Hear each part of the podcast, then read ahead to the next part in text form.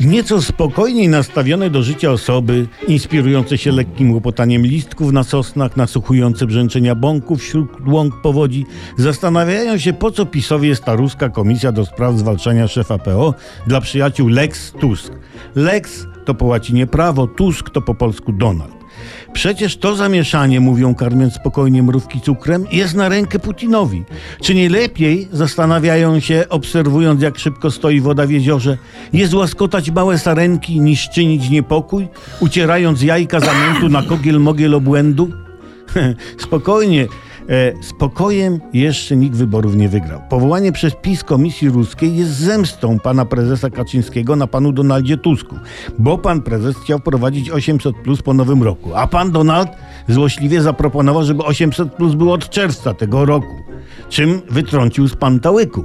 W październiku zeszłego roku pan Tusk sam chciał Sejmowej Ruskiej Komisji Śledczej do spraw kontaktu ludzi z PiSu z ruskimi.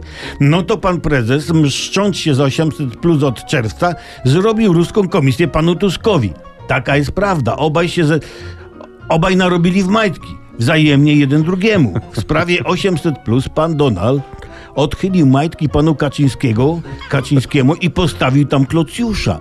Teraz w ramach rewanżu pan Kaczyński ruską komisją odchylił slipy panu Donaldowi i wstawił tam pokaźną dwójeczkę. Ja, ja tak uważam, że ewidentnie obie strony dorosły już do tego, by nosić pieluchy roztropności i pampersy umiarkowania.